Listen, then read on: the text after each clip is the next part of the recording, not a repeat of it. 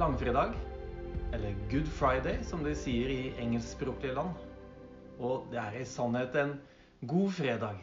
Men det er også en svært lang fredag. Jesus er nå tatt til fange, forrådt av en av sine nærmeste venner, mest betrodde disipler, han som var kasserer i gjengen. Han blir torturert, spottet og ledd av, og de har kledd ham ut som en eh, liksom-konge. Gitt ham torner som krone, tatt på ham en purpurkappe. Men så får soldatene etter hvert nok. Det er ikke så gøy å plage en som ikke tar igjen. Da de hadde håndt ham, tok de purpurkappen av ham og kledde ham i hans egne klær. Så førte de Jesus ut for å korsfeste ham.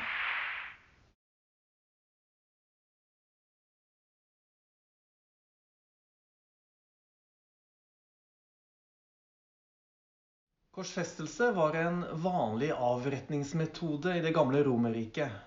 Ikke fordi det var en lettvint og rask henrettelsesmetode, snarere tvert imot. Men fordi det var seigpining, og det skulle virke avskrekkende. I tillegg så måtte fangen bære sitt eget avretningsutstyr til henrettelsesstedet. Gjennom byen til offentlig skam. Det var tunge sokker. Og ikke alle fangene klarte å bære denne byrden. Og etter all torturen så maktet ikke Jesus å gjennomføre turen, og han knakk sammen under korset. Og de tvang en mann som gikk forbi til å bære korset hans. Det var Simon fra Kyrene. Far til Alexander og Rufus. Han var på vei inn fra markene. Soldatene hadde loven på sin side. I bergprekenen så bruker Jesus dette som eksempel på en ikke-voldelig måte å behandle sine fiender på, som for de fleste israelitter var romerske soldater. Om noen tvinger deg til å følge med én mil, så gå to med ham, sier Jesus.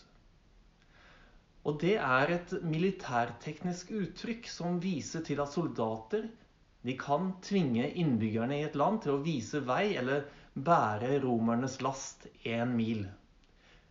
Og hvordan skal man respondere på slik tvang?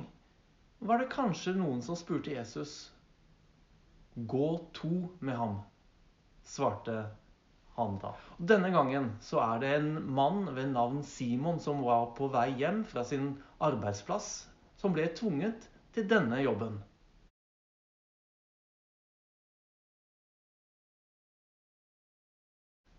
Men også tidligere i sin forkynnertjeneste har Jesus henvist til nettopp korsbæring og sagt om noen vil følge etter meg, må han fornekte seg selv og ta sitt kors opp og følge meg. Simon fra Kyrene han blir tvunget av soldatene til dette. Men kallet Jesus gir, er det samme for oss alle. Å ta opp vårt kors og følge ham. Det er vår langfredag.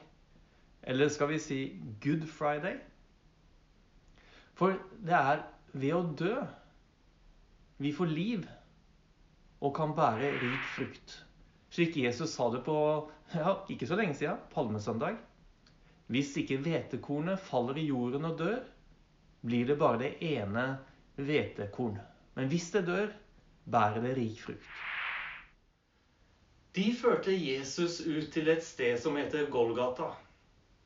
Det betyr hodeskallen. De ville gi ham vin med myrra i, men han tok ikke imot det. En skulle tro at etter å ha gjennomgått det Jesus nå har eh, opplevd, så ville han være tørst. Og det ville hjelpe med litt vin for å døyve de verste smertene. Men her så oppfyller Jesus det han selv sa på skjærtorsdag. Og han tok et beger, takket, ga dem og sa, drikk alle av det. For dette er mitt blod, paktens blod, som blir utøst for mange så syndene blir tilgitt. Jeg sier dere, fra nå av skal jeg ikke drikke av denne frukt av vintreet før den dagen jeg drikker den ny sammen med dere i min fars rike. Så korsfestet de ham og delte klærne mellom seg ved å kaste lodd om hvilke plagg hver skulle få. Det var ved den tredje time de korsfestet ham. Innskriften med anklagen mot ham lød 'Jødenes konge'. Mange har kalt Jesus for konge tidligere, og det var faktisk prøvd å gjøre ham til konge med tvang. Men da hadde Jesus gjemt seg unna. Og allerede mens Jesus var spedbarn, da de vise menn fra Østen dro innom kong Herodes, så hadde de spurt etter jødenes konge, som nå er født. Men etter dette blir uttrykket 'jødenes konge' bare brukt under forhøret, torturen og som en hånlig innskrift på korset. Pilatus han spurte Jesus selv under forhøret om han var jødenes konge. Til det så svarer han, 'Du sier det'. Men Jesus han er faktisk konge. På et helt annet nivå. For det står i åpenbaringsboken 'Han er herre over jordens konger'. Altså, Jesus er ikke bare jødenes konge. Han er kongenes konge. Sammen med ham korsfestet de to røvere, en på høyre og en på venstre side av ham. Og det skriftordet ble oppfylt som sier han ble regnet blant lovbrytere. Jesus døde ikke en heroisk og romantisk død. Han døde blant forbrytere. Og Det skjedde ikke lenge etter at han ble hyllet som konge, da han red inn i Jerusalem på palmesøndag. Men nå blir han regnet som en simpel forbryter, en gudsbespotter og oppvigler mot kongen. Men alt dette her er blitt forutsagt i de gamle skriftene. Jesaja 53 beskriver en mann som er ille mishandlet, syk og nedbrutt. Denne mannen, sies det, skulle bli regnet blant lovbrytere. De som gikk forbi, ristet på hodet og spottet ham. Se nå, du som river ned tempelet og bygger det opp igjen på tre dager. Frels deg selv og stig ned fra korset. På samme måte hånte også overprestene og de skriftlærde ham og sa til hverandre andre har han frelst, men seg selv kan han ikke frelse. La nå Messias, Israels konge, stige ned fra korset, så vi kan se og tro. Også de som var korsfestet sammen med ham, hånte ham. Alle håner, mobber og forakter denne døende mannen. Om han er den han påstår så må han i det minste klare å frelse seg selv. Da den sjette time kom, falt et mørke over hele landet helt til den niende time. Og ved den niende time ropte Jesus med høy røst. Eloi, Eloi, lema sabachthani. Det betyr, min Gud, min Gud, hvorfor har du forlatt meg? Noen av dem som sto der, hørte det og sa, 'Hør, han roper på Elia.' Da løp en bort og fylte en svamp med vineddik. Satte den på en stang og ville gi ham å drikke. Han sa, 'Vent, la oss se om Elia kommer for å ta ham ned.' Forventningen om profeten Elias komme, den var svær. For det er nettopp med et løfte om hans gjenkomst at Det gamle testamentet slutter. Se, jeg sender profeten Elia til dere før Herrens dag kommer, den store og skremmende. Og Jesus han bruker en del av sin tidlige undervisning for å fortelle om denne Elia som skulle komme igjen. Og han peker på døperen Johannes og sier at han er den Elia som skulle komme. Og dermed så er det klart for Herrens dag, den store og skremmende. Men Jesus ropte høyt og utåndet. Og forhenget i tempelet revnet i to, fra øverst til nederst. Da offisereren som sto rett foran ham, så hvordan han utåndet, sa han sannelig, denne mannen var Guds sønn. Hvordan utåndet Jesus? Han ropte høyt og utåndet.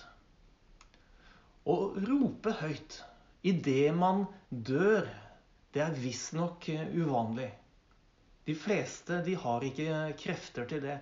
For når døden tar over menneskets kraft, slik at i det øyeblikket før den døende utånder, har han eller hun mistet alle krefter. Jesus derimot, han ropte høyt og utåndet. Han er med andre ord fortsatt sterk. Og derfor så roper han ut som en hærfører som kaster seg ut i krigen. Og så dør Jesus. Men det er som Bob Dylan sier Death is not the end.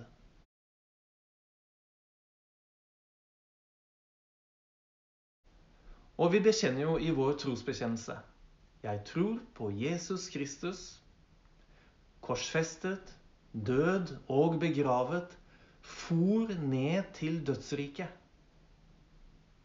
Peter han forteller i sitt brev at Jesus ved ånden gikk bort og forkynte for åndene som var i fangenskap. Det er dødsriket. Og Jesus han har makt til å sette fanger i frihet selv fra dødsriket. I åpenbaringsboken så sier Jesus at han har nøklene til døden og dødsriket. Og hvis du tenker deg om Hvem er det som er sjef over et hus eller et område? Jo, det er den som har nøklene. Og Derfor så trenger ikke vi lenger å være redde for døden eller dødsriket. For Jesus har nøklene. Og om det er et menneske som har gått bort før oss Jesus har fortsatt nøklene, og han har allerede vært i dødsriket med et budskap som setter fanger i frihet. Derfor er langfredag en god fredag. For her overvinnes døden. Her kommer kongenes konge og tar over nøklene. Han er herre over døde og levende. Men så er det sånn at til den enkeltes hjerte har Jesus gitt fra seg nøklene. Og det er frihetens gave han har gitt menneskene. Vi har selv nøklene til vårt innerste. Men Jesus står like utenfor. Han er aldri langt unna. Og vet du hva? Han vil gjerne inn. Se, jeg står for døren og banker, sier Jesus i åpenbaringsboken. Om noen hører min røst og åpner døren, vil jeg gå inn til ham og holde måltid, jeg med ham og han med meg. Åpne ditt hjerte der hvor du står, blir det sunget. Jesus han vil gjerne bo i ditt hjerte i ditt innerste. Være ditt liv, din kjærlighet og din kraft, uavhengig av omstendigheter, evner, fortid og fremtid. Han vil gjerne holde måltid med deg, som venn, og som den som har nøklene til døden og dødsriket. Dermed så kan dødsangsten slippe taket. For jeg har en venn som har gitt sitt liv for at jeg skal få leve.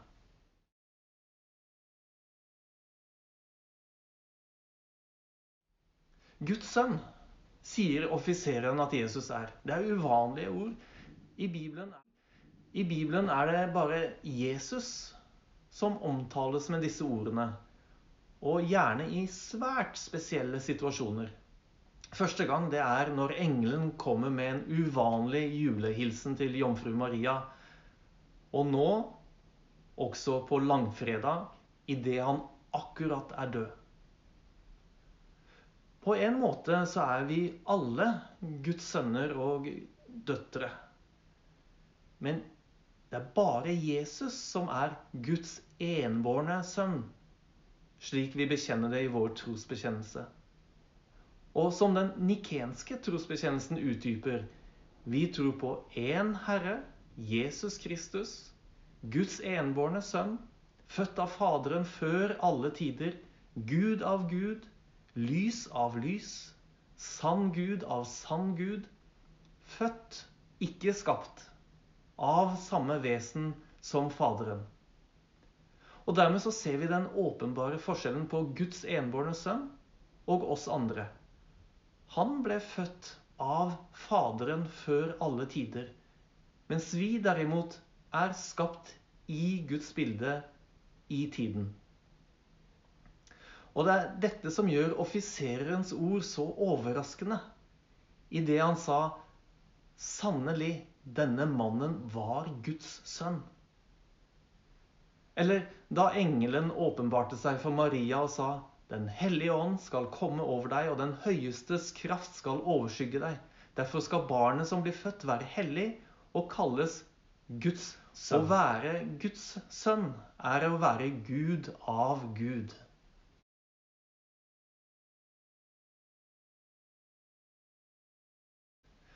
Men i dette øyeblikket, langfredag, hadde filosofen Nietzsche rett.